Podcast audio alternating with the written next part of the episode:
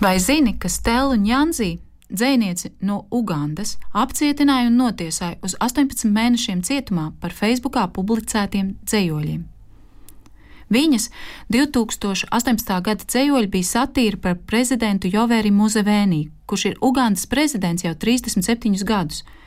Ir atcēlis visus demokrātiskos ierobežojumus, kas traucētu viņam turpināt būt prezidentam. Muzevēnī ir diktators, kurš agresīvi vēršas pret opozīcijas pārstāvjiem, tos arestējot, spīdzinot un nogalinot.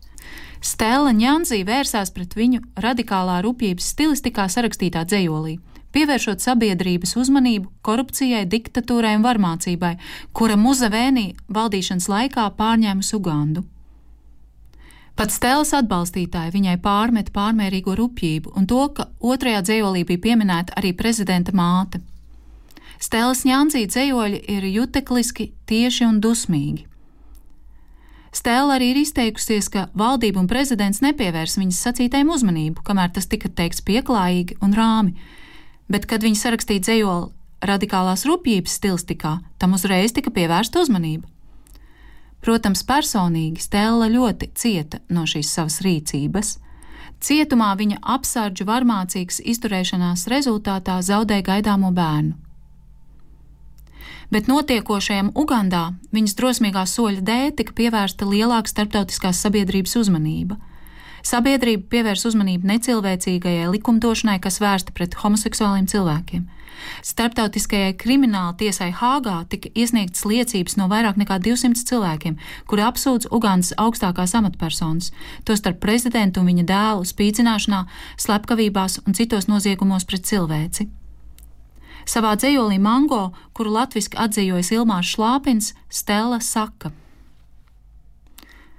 Prezidenta institūcija ir caurcaurēm puvusi. Ņudz no korupcijas, vardarbības un beztiesiskuma tārpiem, ministru kabinets pūšanas procesu vienīgi katalizē, vienkāršās tautas nodevēji tie ir.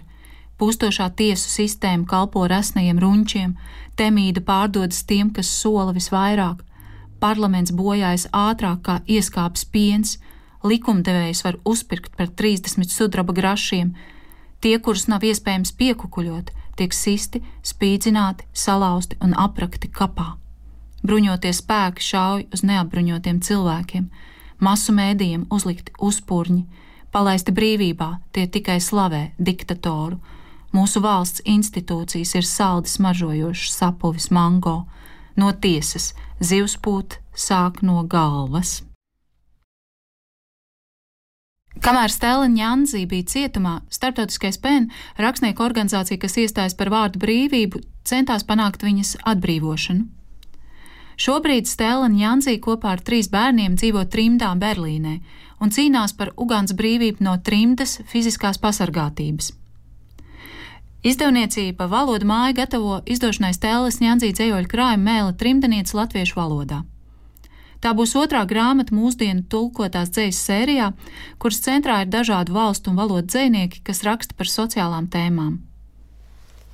Dzējolī trimda cerību dzējols Stela Ņānzī saka: Bēgot no politiskās vajāšanas, bēgot, paņemot līdzi tikai pašu svarīgāko, bērnus paņemot kamiešos, pa dēlam uz katra pleca un meita pa vidu uz muguras bēgot no slepkavām, bēgot no spīcinātājiem, bēgot no tiem, kas nolaupa sievietes un vīriešus vienkārši tāpēc, ka mums ir citādi uzskati. Trimda, vieta, kur elpot, īā, bez nāves bailēm, bez aresta bailēm.